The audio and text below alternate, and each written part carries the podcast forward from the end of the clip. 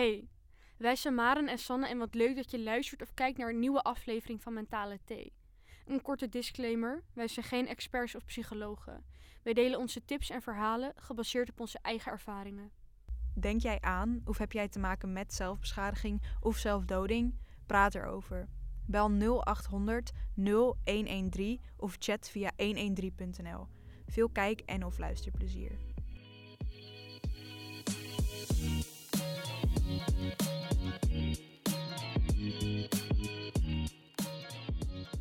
Hoi allemaal en welkom bij weer een nieuwe aflevering van Mentale Thee. Ik ben Maren Ik ben nog steeds Sanne. en we zijn hier ook nog steeds Nog met... steeds met- Ja, of alweer. Het is maar net het bekijkt. We zijn Het is hier maar net alweer. inderdaad... eh, Alweer. Alweer Kijk, wij zitten hier nog steeds, maar de luisteraar hoort Ja. ons weer. Yes. Zo is Dat. het, Mooi, denk ik. ja, Ja. mooi. Maar met? Linda. Ja, met Leuk. Linda. Ja, ik ben hier. Yes. Yay. Leuk. Ehm, nou ja, als ze meer over jou willen weten, kunnen ze nou ja, en gewoon googlen of de vorige aflevering even luisteren. Jee, En, jee. eh, Ja, we hebben het in de vorige aflevering gehad dus over de sociale druk misschien wel van, Mhm. van Instagram en sociale media. Yes. Maar Ja. eigenlijk ook gewoon over het leven. Ja. Over, de, over het mentale, ons, mijn mentale welzijn, jullie mentale welzijn. En dat was echt een heel leuk gesprek. Dus die zou ik zeker even terugluisteren. Ja, je hoort het van de enige echte Linda. Ja.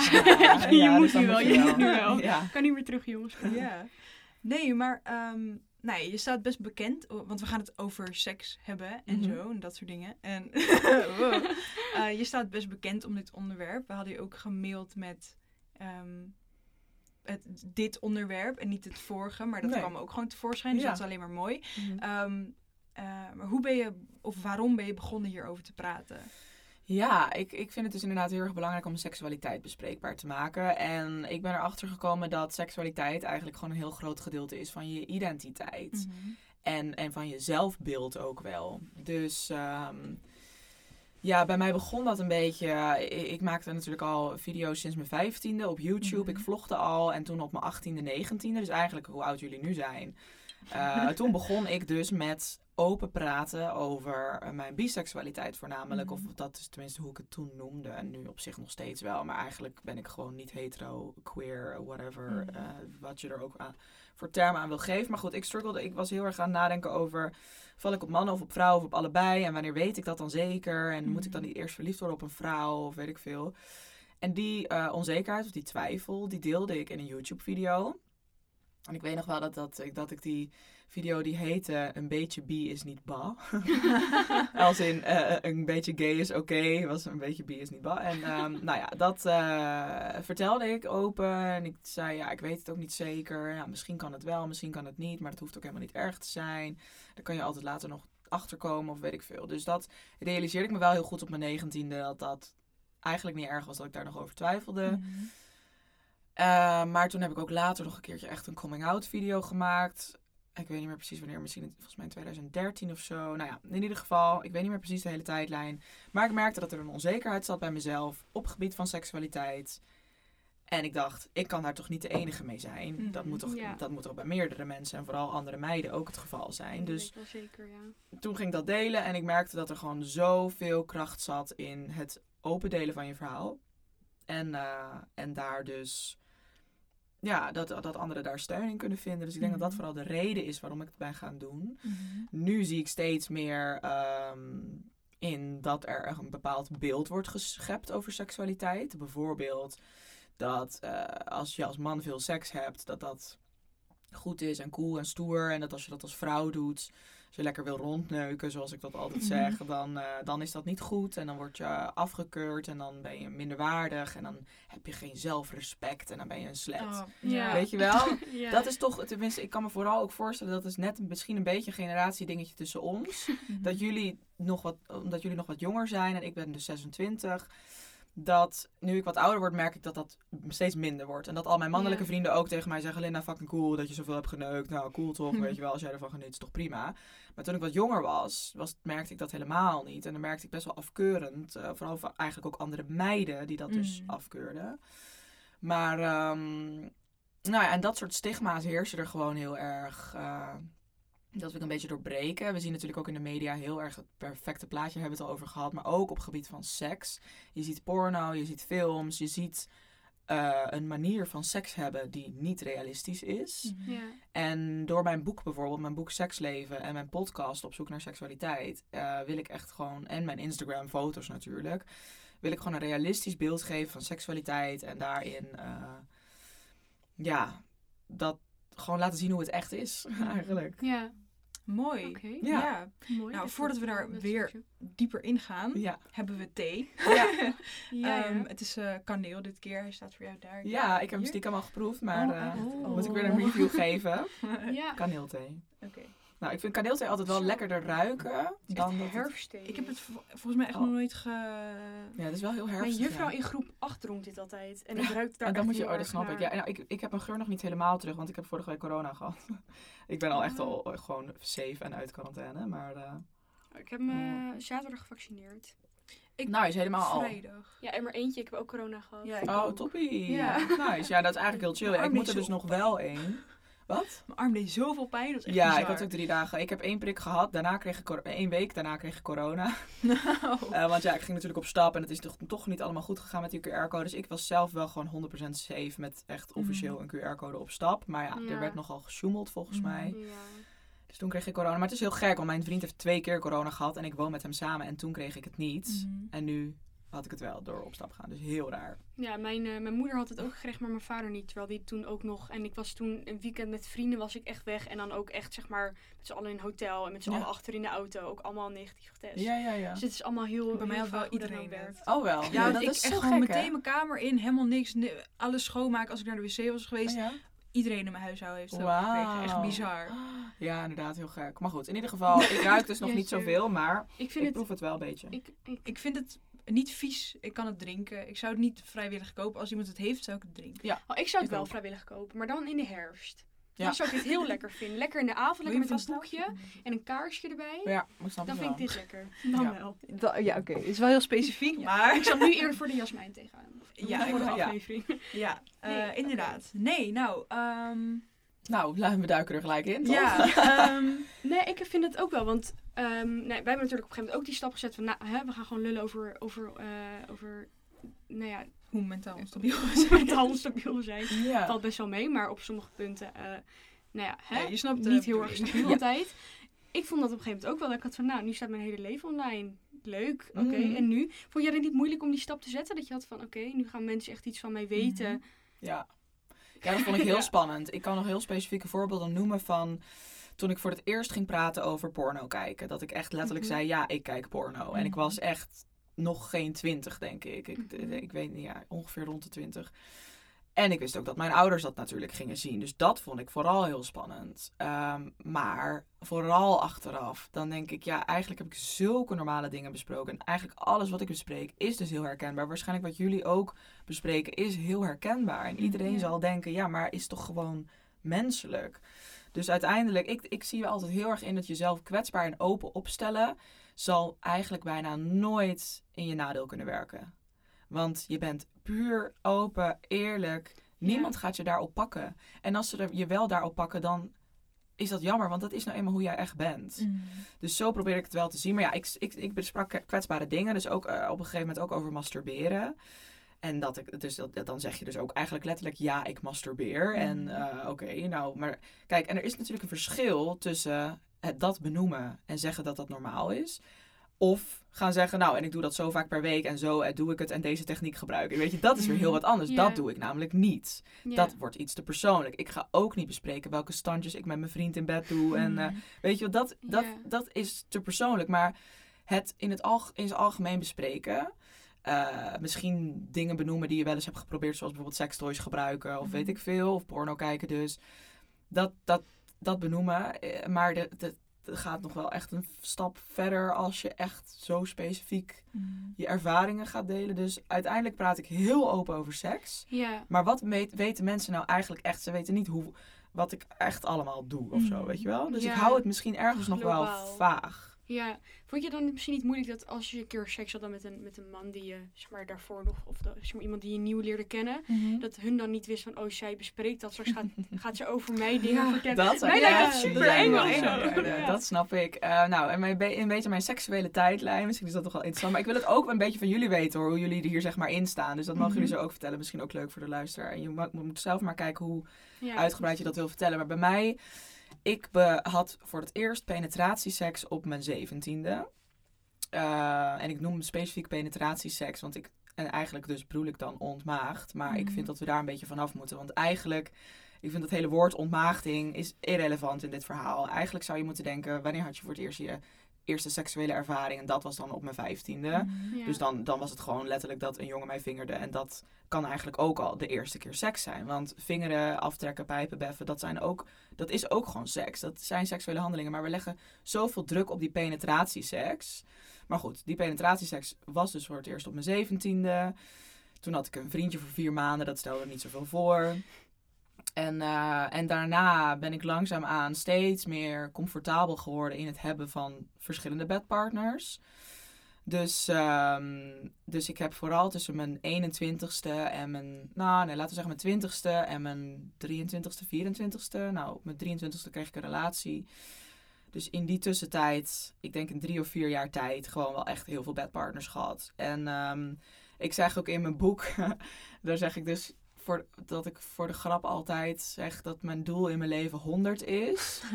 Eh, maar ik, heb, ik zit nu op 63, dus het gaat goed in de goede richting. Maar ja, als ik voor altijd monogaam blijf met mijn vriend, dan gaat dat niet meer eh, gebeuren. Maar dat zie ik ook niet per se gebeuren. Dus ik, eh, ik heb nog steeds wel voor de grap dat ik denk, nou, als ik 100 ka- zou kunnen halen, hoe grappig zou dat zijn? Mm. Dat is toch geloof gewoon lachen. monogamie? Nee, zeker niet. Nee, natuurlijk niet. Nee joh. Nee, maar als je Nee? echt... Het traditionele, wat, wat monogamie echt betekent, is één partner voor de rest van je leven. Da- Mhm. daar gelooft niemand denk ik meer in. Mm, Dat is nee, namelijk Als je ook- het zo zegt, niet inderdaad. Nee, nee, maar eh, inderdaad, als je het gewoon hebt over monogaam zijn eh, met één partner, dan hoef, geloof ik daar ook niet per se in. Ja. Dus ik ben, wij zijn nu, wij zijn, wij hebben ook wel een redelijk vrije relatie. We, hebben- we noemen het geen open relatie. Ik vind openhartige Wat leuk, ik heb dit nog nooit zoiets van iemand gehoord. Oh. Ik, heb al- ik vind het heel interessant. Oh ja? Ja. Oh, Oké. Nou ja, voor mijn gevoel is het... Nou, nee, ik moet wel zeggen, iedereen om me heen is wel redelijk monogaam. Al schijnt het zo te zijn, mensen zijn niet monogaam van zichzelf. Mhm. Dat is ooit een keuze geweest. Trouwen, het huwelijk, bla bla bla. Dat is puur meestal een politieke, economische keuze vroeger dan. Mhm. Dan dat dat per se eh, echt, dat wij echt zo zijn. Je kan ervoor kiezen inderdaad om monogaam te zijn. Dus dat is wat mijn vriend en ik ook aan het begin deden. We zeiden van oké, gaan we nu inderdaad monogaam, ga- kiezen we er bewust voor om een monogame relatie met elkaar aan te gaan. Dat moet je wel even, dat kan je niet automatisch van uitgaan. En, en wat versta jij dan onder monogamie? Dat moet je allemaal wel bespreken. Maar inmiddels, ik denk dat het wel een mooie term is om het vrije relatie te noemen. Of openhartige relatie. Want bij ons is alles bespreekbaar. Het is ook zeker niet uitgesloten dat je niet met iemand anders mag zoenen en al dat. Dus dat, dat doen wij wel. Eh, dus eigenlijk, ja, we hebben geen open relatie, maar we zijn wel een stuk opener dan de gemiddelde monogame relatie. Terwijl ik onszelf nog steeds monogaam vind. Want daartegenover zou polyamoreus staan. En dat is het hebben van meerdere liefdespartners. Mhm. Ja, Waarvan iedereen ook op de hoogte is dus jullie natuurlijk. zoenen wel met anderen. Ja, soms. even. Ja, is per, per, per situatie verschillend. Maar we zoenen wel eens met Vind je anderen. dat niet moeilijk? Nee, want we hebben daar zo'n specifieke afspraken over. En dat Mhm. gebeurt echt meestal alleen als we echt, dat doen we echt samen, zeg maar eigenlijk. Dus het is niet alsof hij dan op stap gaat en ik ben er niet bij en hij Oh, gaat zomaar met iemand zoenen. Dit zijn echt specifieke situaties waarbij we samen hebben afgesproken, oké, vanavond mag het wel. Mhm. Ja. Eh, dan geven we elkaar een soort van free pass en dan doe maar lekker je ding. En ehm, dat, ik, kijk, ik val natuurlijk ook op vrouwen, dus ik zoen ook wel met meiden. Komt niet echt vaak voor dat ik met andere mannen zoen. Dus dat vind ik ook eigenlijk helemaal oké, want die behoefte voel ik ook niet zo.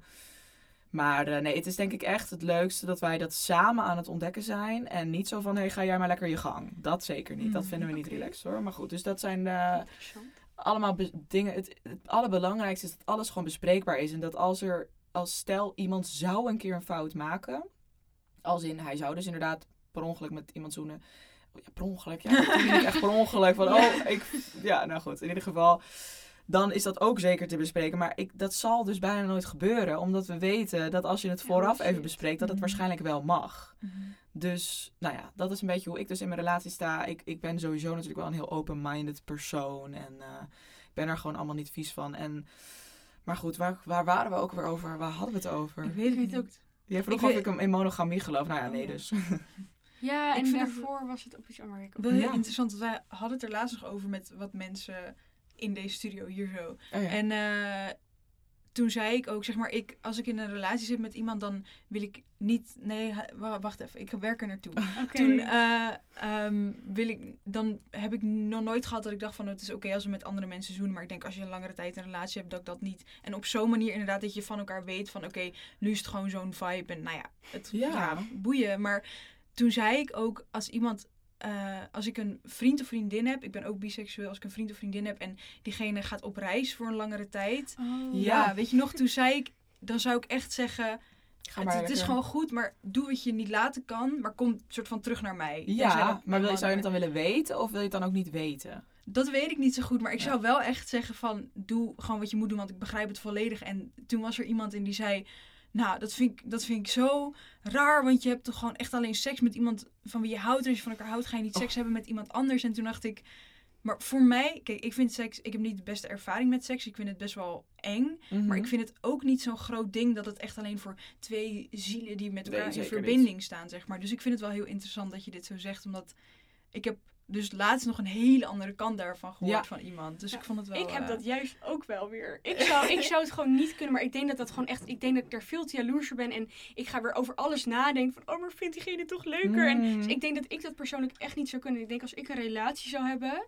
Dat, daarom vond ik het ook zo interessant dat jij dat zo vertelde. Omdat dat misschien heel erg het. Of ik zou het denk ik nooit op zo'n manier kunnen ervaren. Natuurlijk, je verandert en je ontwikkelt je heel erg. Maar op dit punt in mijn leven zou ik Ja, niet een relatie maar- kunnen hebben. Meiden, op jullie leeftijd had ik dat ook nooit. Ja, sorry, daar klink ik weer. Daar klink ik weer echt. Ik klink- maar dat is echt, echt, daar verander je enorm in. Want Mm. natuurlijk, jaloezie, dat is een supermenselijk gevoel. En dat voel ik soms ook wel eens. Ja, Ehm, maar daar valt over te praten. En ik zie dat niet als een neg- per se als een negatieve emotie. zeker niet. Maar goed, nee, ik snap dat. En het is denk ik vooral de leeftijd. En, maar wat je, ik hoor dat vaak inderdaad. Mensen die vinden dat, ja, maar seks heb je alleen met, met, Mhm. met, met- dat ga je toch niet zomaar met iedereen doen. Terwijl Mhm. ik echt, echt 100% zeg, jawel, seks kan je echt met zomaar iedereen doen. Want dat Mhm. maakt het juist leuk. Het is maar seks. Eh, ja, tuurlijk, ik snap dat mensen er heel zwaar over kunnen denken van, wow, seks, dat doe je toch niet zomaar met iedereen. Maar ja, ik denk daar dus gewoon heel anders over. Mhm. Puur omdat je er zoveel van leert en zoveel over jezelf ook leert. Eh, zoals ik dus, dus met mijn 63 bedpartners. eh, ja, ik heb, ook al heb ik natuurlijk wel de mensen tussen zitten waarvan ik dacht, ah, achteraf, nou, had het dan ook weer niet gehoeven. Was nou niet echt de moeite waard, of weet ik veel. Maar ja, dat kan je van tevoren ook niet weten. leer maar aller- van. Precies, en dan heb ik weer geleerd van, oh ja, dus daar liggen mijn voorkeuren niet. Ja. Ehm, dus dat is wel gewoon heel erg interessant hoeveel je over jezelf Mm. ontdekt als je met verschillende mensen Ja. seks hebt. Dus ik ben er echt voorstander van. En ja, nu eh, ik in een relatie zit, ik ben eigenlijk blij dat ik dus in het begin van mijn twintig jaren eh, die wilde tijd heb beleefd. Mhm. En nu lekker aan het settelen ben. Ik woon lekker samen, we hebben een chill huis, we zitten te denken over een huis kopen. Weet je, dus ik ben nu wel veel meer het burgerlijke leven aan het leven. Terwijl ik eerst lekker los kon gaan en Ja. nu lekker monogaam kan zijn. In Ik denk dat het ook wel heel erg verschilt inderdaad per persoon. Ik denk dat de een ook helemaal geen behoefte heeft om met Jan en Alleman naar bed te gaan. Of ja, weet Ja, je, om het, precies. om het zo te zeggen. Ja. ik, ik weet ook niet of ik ooit zo'n periode zou hebben dat ik daar wel voor open. Ik vind seks wel iets heel erg speciaals wat Ja. je met iemand doet. En ik vind het zelf dan ook wel moeilijk om me echt open te stellen Ja. naar iemand. Dus dat komt natuurlijk ook weer andere dingen bij kijken. Maar ik zou het, ja, ik zou het, voor mij dat is hoe ik er nu in sta, echt niet zomaar met iemand seks. Niet dat jij zomaar met iemand seks, Nee, maar ik zou niet, ik zou echt pas seks hebben met iemand waarvan ik weet van het zit echt goed en ik ken jou en ik weet hoe je in elkaar ja, zit en maar zo. ik snap dat ook heel goed. Dus en dat is denk ik, ook wel heel erg per persoon. En zeker, want dat is en- denk ik wat ik, me heel, wat ik wel probeer duidelijk te maken. Tuurlijk, ik ben voorstander van veel seks hebben, maar het allerbelangrijkste, voelen, ja, het allerbelangrijkste tuurlijk. vind ik dat ik wil gewoon een beeld wil geven van kijk, dit is ook een mogelijkheid. Tuurlijk, Net ja. als hoe ik mijn relatie inricht en, en, en, en hoe we dat bespreken allemaal. Dat, is, dat hoeft niet iedereen zo te doen. Want als je het niet zo doet, dan is zou dat fout zijn of zo. Nee, dat is niet zo. Ja. Ehm, maar meer gewoon van, kijk, zo kan het ook. Ehm, en dat is net als bijvoorbeeld in, in mijn boek heb ik bijvoorbeeld ook een stukje over trio's. En, en dat ik, ik deed dat als vrijgezel best wel veel. En dat vind ik gewoon heel erg leuk. Maar dat is ook voor heel veel mensen echt ondenkbaar. Of eh, waarom Mhm. zou je dat willen? Maar ik probeer mensen gewoon een beeld te laten zien van, kijk, dit kan je ook doen. Ja. En als je die voorkeur of die behoeftes voelt, is dat helemaal niet gek. Dus, ehm, maar, maar daarom inderdaad, het, het aller, allerinteressantste aan seksualiteit is dat iedereen het zo anders kan ervaren. Terwijl de daad, het daadwerkelijke Mm. seks eigenlijk hetzelfde is, maar iedereen ervaart het zo anders. En ik moet ook zeggen, toen ik 18, 19 was, had ik eigenlijk ook helemaal geen fijne associaties met seks. Ik heb nooit erge dingen meegemaakt, maar wel gewoon dat ik nooit echt kon genieten van seks. Mm. Altijd een beetje pijn, nooit heel chill. Altijd dacht ik, is dit het nou? Moet ik hiervan eh, echt kunnen klaarkomen? Door, vooral door penetratie dan, hè? Maar dat is ook vooral als je ouder wordt, dat je je lichaam beter leert kennen. Überhaupt beter snapt hoe het allemaal werkt. En je steeds comfortabeler gaat voelen bij, wie, bij je bedpartner. Mm. En nu inmiddels kan ik daar gelukkig wel van genieten. Maar ik durfde eerder ook nooit aan te geven wat ik, dat ik, als ik dan pijn had, dan durfde ik dat gewoon niet te zeggen. Ja. En dat is eigenlijk, dat vind ik, dus daarom doe ik nu wat ik doe. Omdat ik juist die me- meiden die nu in, me- in, toen, in- nu in de positie staan waar ik toen in zat, dat ik er wel wat meer soort van kan empoweren om Mm. daar wat, wel wat van te zeggen. En dat het jou ook jouw recht is om te mogen genieten in bed. Dat je het niet alleen maar daar ligt voor het genot van de man in dit geval, als het gaat Mhm. over heteroseksuele seks. Ja. Ja, dat vind ik echt heel mooi. Ik heb ja, gewoon best wel een, een, een vage relatie met seks Mhm. of zo. Ik, nee, ik heb het altijd al eng gevonden en dan niet de beste ervaring mee gehad. En gewoon inderdaad iemand zoals jij, als ik dat vroeger dan had, zeg Ja. maar, dat ik dat daarmee...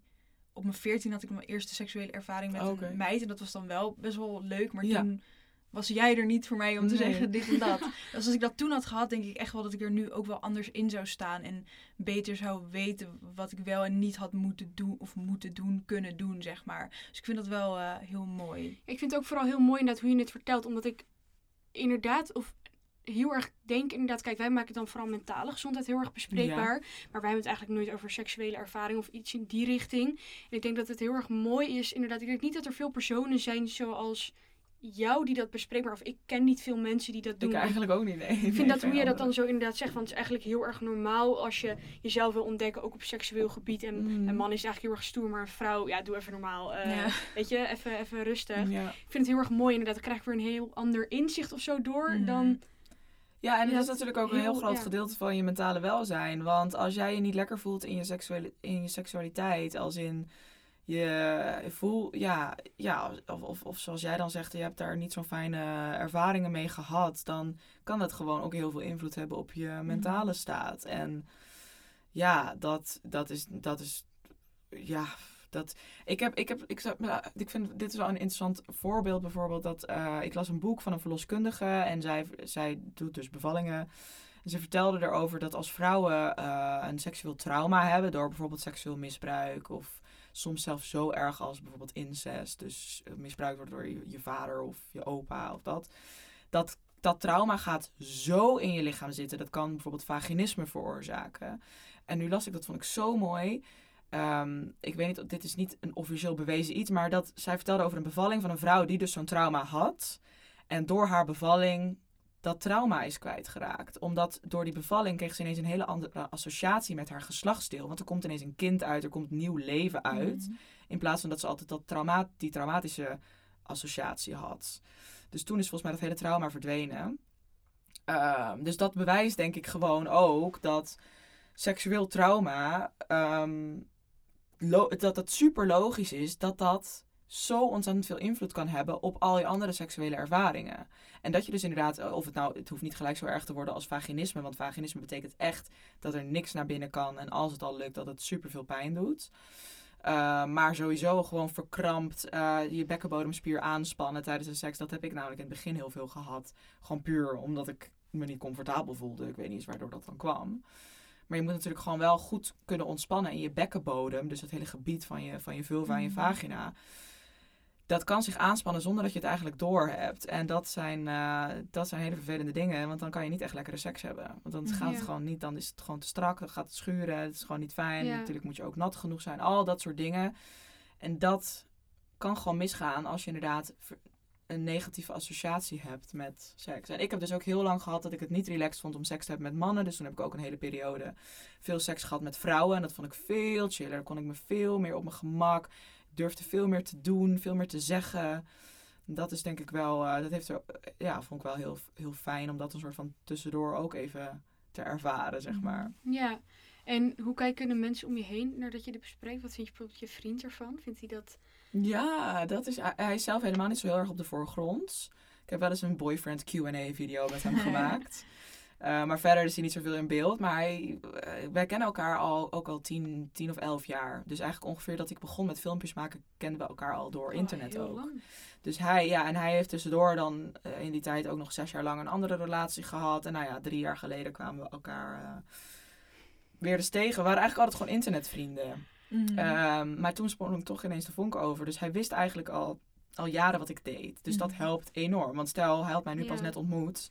Was daar middenin gevallen. ja. ja, dat is best wel Dan was hij waarschijnlijk gechoqueerd. Ja, maar hij heeft mij dus al jaren altijd, ook altijd gevolgd. En we waren altijd vrienden op Facebook en weet je wel. Dus dan, ja, dan, dan, dan, hij was gewoon altijd al op de hoogte. Hij was Ja. helemaal niet daarvan in shock of zo. Hij had, had al lang mijn naaktfoto's op Instagram ook al gezien. Dus het was allemaal, weet je, soms dan heb ik een naaktfoto die ik plaats die hij letterlijk heeft gemaakt. Ja. Weet je wel, ik zeg nu naaktfoto, dat klinkt altijd wel heel extreem, maar gewoon half, half Mhm. naakt Ja. eh, op de foto, zeg maar. Ja. En je vrienden en zo? Of je ouders? Nou ja, dat is toch omdat, kijk, ik, doe, ik maak natuurlijk, ik praat nu wel gewoon al vijf of zes jaar over seks. En Mhm. dus het is wel langzaamaan gewoon gewend. Tuurlijk heeft mijn vader af en toe wel gezegd, nou Linda, zorg je er wel voor dat het niet te ordinair wordt. Mhm. Weet je wel, want toch dat, ja, dat is toch een beetje de male gaze, een mannelijke blik die dan daarop, eh, dat als je het dan als vrouw over seks hebt, dat dat dan ja, ordinair zou zijn of I don't know. Maar ik heb daar wel, ja, ik ben al heel, ik, eh, mijn moeder die staat er altijd helemaal achter. Ik bespreek soms de onderwerpen die ik dan wou bespreken in een video, besprak ik dan eerst met haar. Van, oh mam, ik zit hier en hier over te denken om een video daarover te maken. Wat denk jij daarover of zo? Dus, maar mijn vader, ja, weet je, Misschien is dat ook een beetje dat... dat eh, vaderlijke. Of, Ja, inderdaad. Ja. Dat je toch je kind ergens voor wil beschermen. Maar er kunnen ook andere reacties opkomen. En, eh, Ja. Ja, dat vooral inderdaad. Ja joh, want soms krijg ik inderdaad berichten van mannen binnen. Die zijn net zo oud als mijn vader. Ja, dat is dan soms best wel een beetje seksueel getint. Ja, tuurlijk dat mijn vader daar ook niet blij van wordt. Mhm. eh. ja. maar ja, ik ben nu gewoon een volwassen vrouw. Dus ik kan me daar gewoon goed tegen verweren. Dat dat dat is al fijn. Dus eh, nee, maar eigenlijk, ja... Mijn vrienden, ze zijn het, ik vind het bijna moeilijk om het te brengen, maar ze zijn het zo ontzettend van me gewend. Ik heb wel bijvoorbeeld dat ik al vriendinnen had die bijvoorbeeld dat ik dan mijn lichaamshaar laat staan. Die dan zeggen, ja Linda, nou ja, past eigenlijk heel goed bij jou, maar ik zou het zelf nooit doen of zo, weet Ja. je wel. Nou, that's fine, want ik sta er niet voor dat iedereen er ook zo haar moet laten staan, maar ik sta ervoor dat je dat moet, zelf moet weten. ja, als je dat wil. Dat dat, Precies, dat dat ja. ook kan. En ik bedoel, hoeveel vrouwen zie je nou met okselhaar? Dus het is fijn dat er een keertje iemand is die het laat zien. Mhm. Ja. Eh, want anders heb je ook geen idee dat dat kan. Ja. Ja. Want ik was me op mijn achttiende gewoon nog eh, elke dag eh, panisch aan het scheren. Want ik dacht, oh my god, je mag geen stoppels zien. Ja. Weet je wel? Dus eh, ja. In de vorige aflevering hadden we natuurlijk ook over mensen die dan een beetje gaan zeiken als je bijvoorbeeld op een feestje bent of wat dan ook. Maar dat is van de vorige aflevering. Moet je Ja. even terugluisteren. Echt Maar ehm, Ik zou echt doen. ja. Ja. Ehm, hierbij ga ik er ook wel vanuit dat dat toch wel veel gebeurt. Dat mensen je raar aankijken omdat je dit soort dingen deelt. Hoe ervaar je dat? Heb je daar eh, last van, wil ik niet zeggen. Want je doet gewoon je ding natuurlijk. Maar Nou, de enige last die ik er dan van zou hebben is dus seksueel getinte berichten in mijn DM. ja. Soms. Heb je dat veel? Of- Ja, nou ja, regelmatig. En het zijn, maar weet je, dat is echt een kwestie van gelijk verwijderen, klaar. Kijk er niet Mhm. eens naar. Soms lees ik het niet eens. Want je ziet gewoon gelijk al. Het zijn meestal accounts zonder foto, nul volgers, nul berichten. Het zijn gewoon van die spam-accounts eigenlijk.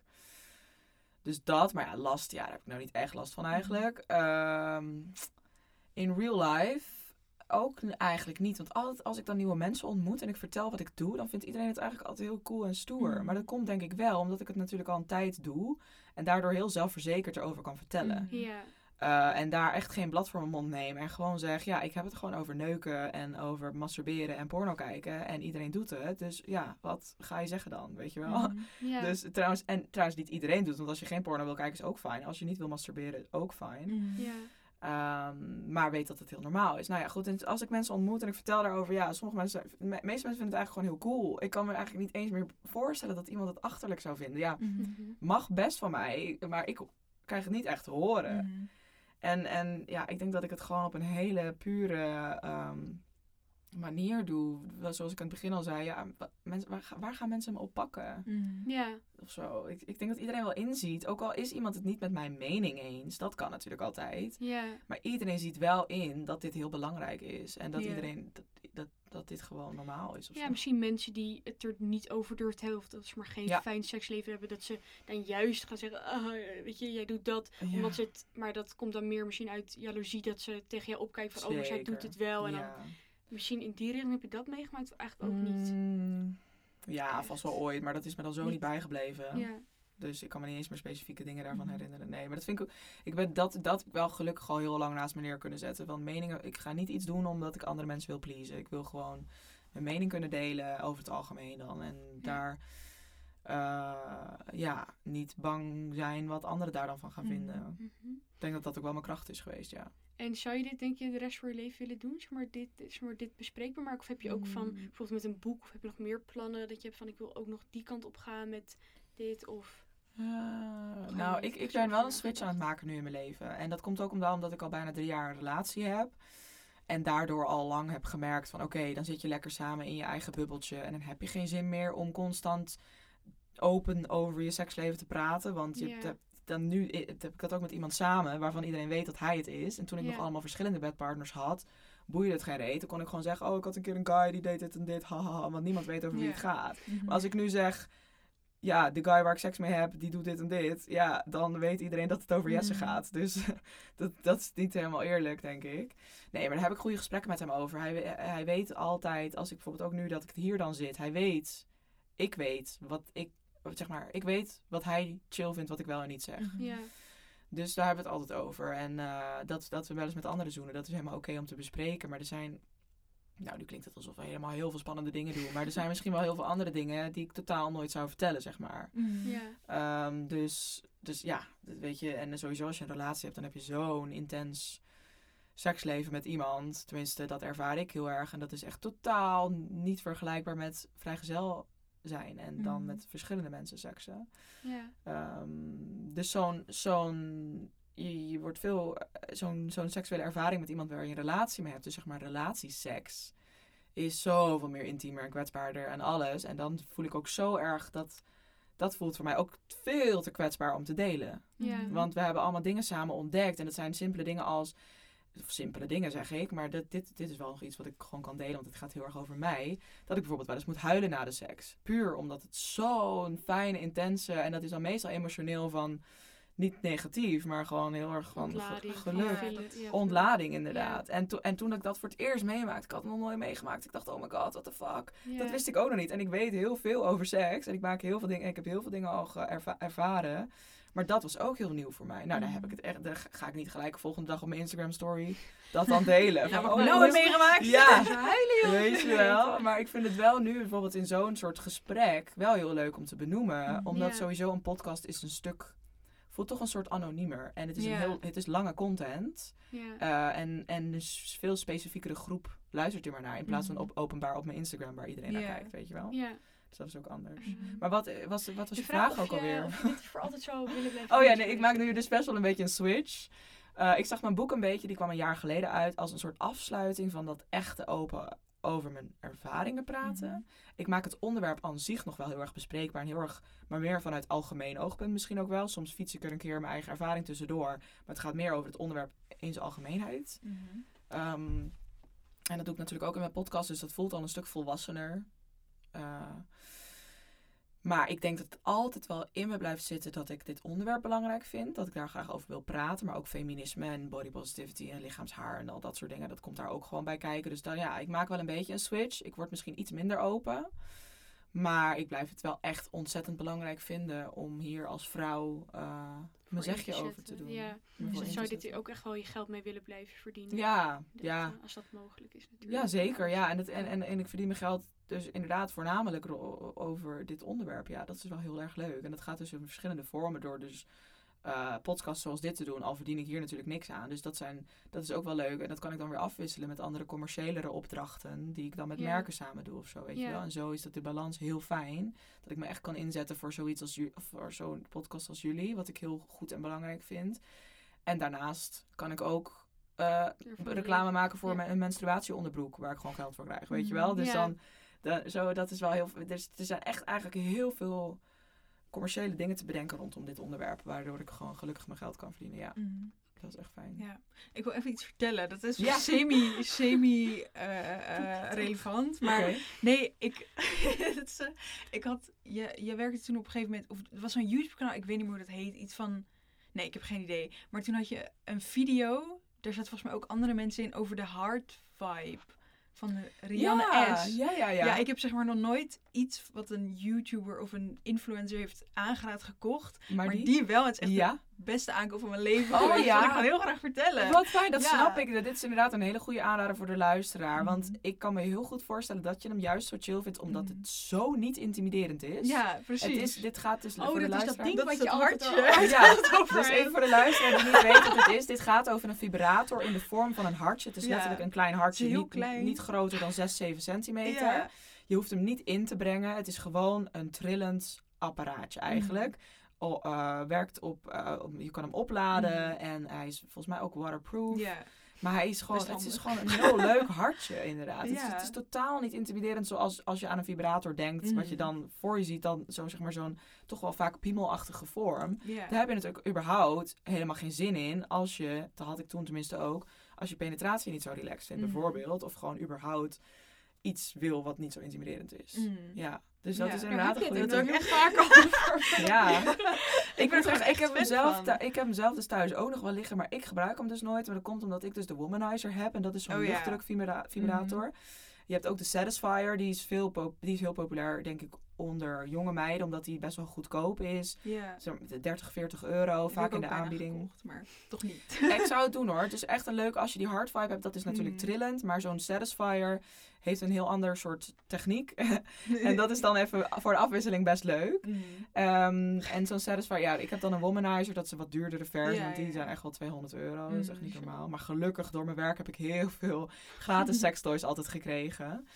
Eh, en heel veel dus kunnen testen. Maar nee, dat is ook echt een aanrader. Vooral als je even wat nieuws wil. Of als je denkt, ik vind het een beetje lastig om zelf met mijn vingers klaar te komen. Mm. Dan kan een sextoy wel gewoon een leuk hulp- hulpmiddel zijn. Waardoor je even over die drempel wordt gehaald. Misschien wel voor het eerst kan klaarkomen. En daarna durf je het misschien, kan je het misschien ook beter ontdekken met je vingers Mhm. ook. Maar leuk dat je dat deelt inderdaad. Ja, ik hou er ook altijd aan zo... denken. Want ik Ja. heb echt nog nooit iets als, Ja, deze mascara en dit en dat, maar gewoon nog nooit gedaan. Toen dacht ik, nou, dat is inderdaad niet zo heel intimiderend. Mhm. En eh, ja, ik weet niet. Gewoon, het zou op mijn bed kunnen liggen. Mijn moeder zou binnen kunnen komen. Nou ja, wat een leuk hartje. Ja, Echt, inderdaad. Precies dat. Is dat nooit is gebeurd, maar het zou wel kunnen. Ja, je zou, kan ook gewoon in je make-up tasje meenemen of onderweg. Ja, ideaal. Je hebt trouwens ook vibrators in de vorm van een lipstick. Ja, dus dat is ook zo, eh, ja. Ik heb onderzoek ook gedaan. Ja. niet reageert, gewoon even Nee. meiden vragen mij ook altijd, Linda, ik ga voor het eerst een sextoy kopen, help, wat moet ik kopen? Maar ik denk inderdaad dat die eigenlijk nog een betere aanrader is als eerste toy. Mm. Want ik raad meestal de Satisfier aan, maar dat is toch wel een redelijk specifieke nou ja, techniek. Ja.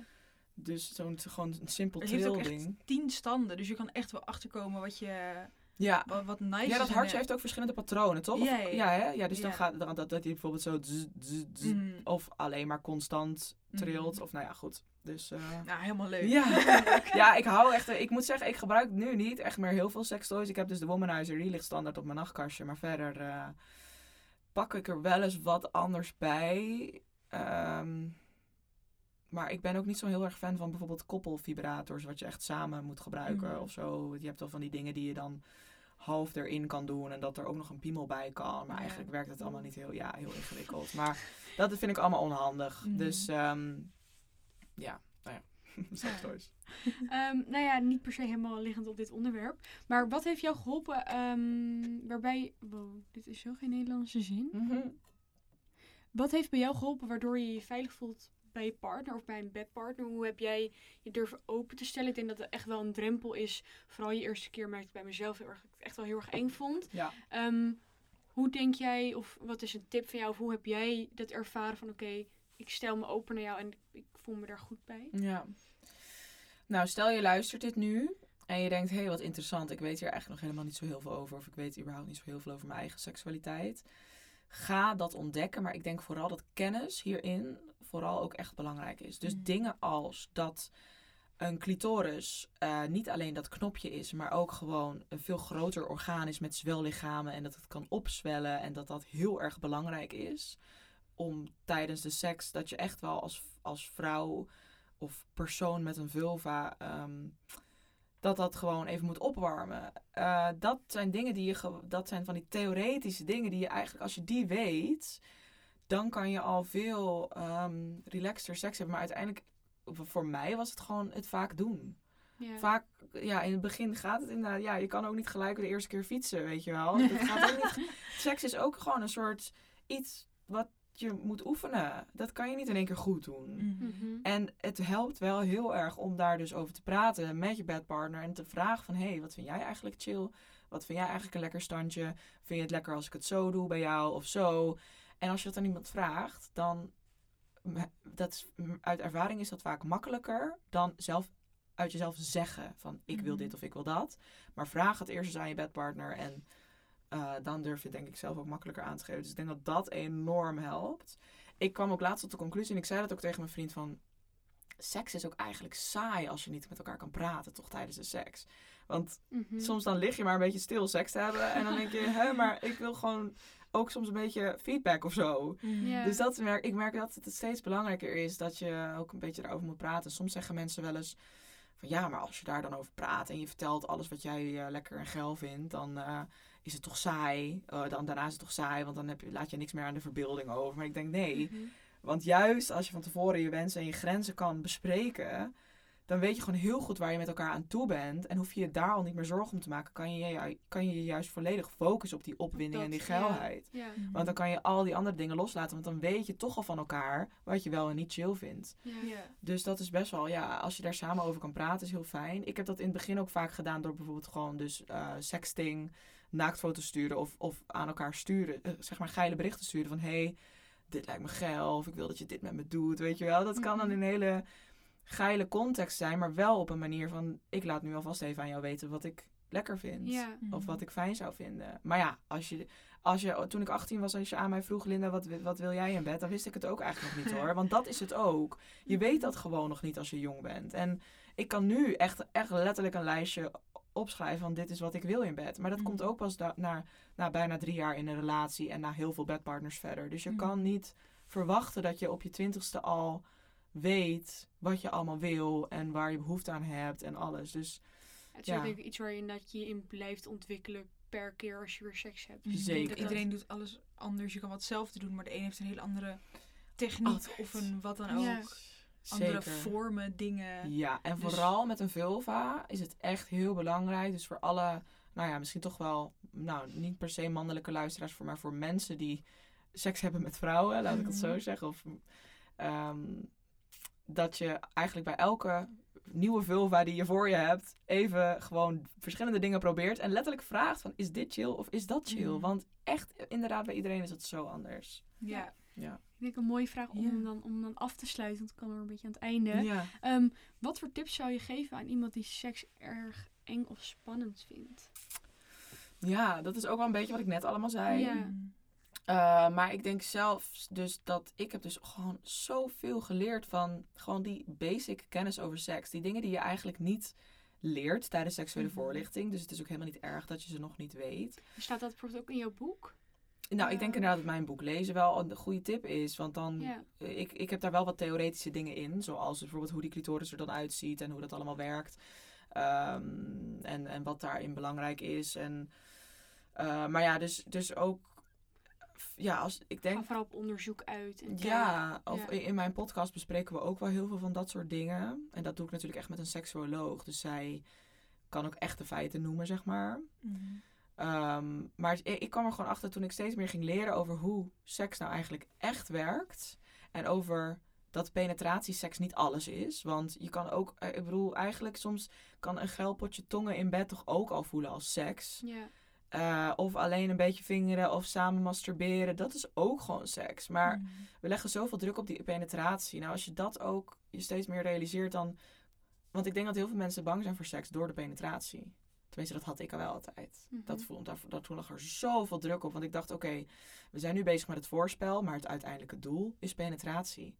En dat doen we omdat die man dan kan klaarkomen, zeg maar. Mhm. Dat was mijn idee van seks ook altijd. En als je dat een beetje kan omdraaien en kan denken van, ja, maar eigenlijk is voorspel ook gewoon een stom woord. Want ik heb zo vaak seks zonder penetratie. Dus dan zijn we dan alleen maar voorspel aan het doen. Nee, dan hebben we ook gewoon seks. Ja. Of bijvoorbeeld twee vrouwen dan, hebben die dan geen seks? Mm. Weet je wel, want daar komt meestal geen penetratie bij kijken. Dus ja, Ga gewoon echt op onderzoek uit. Ik en denk kijk het. gewoon een beetje hoe het... Ja. ja. eigenlijk wel. En ik denk dat deze, als je deze podcast nu tot, tot nu hebt afgeluisterd, dan leer je denk ik ook al heel al veel. heel veel in. Ja. En als je het interessant vindt, ja, volg mij op Instagram, want ik deel ook nog wel eens wat leuke content. Maar Mhm. ehm, ja, nee, dus ja, ga op onderzoek uit bij Oh, ja. jezelf Ja. en bij eh, op internet gewoon.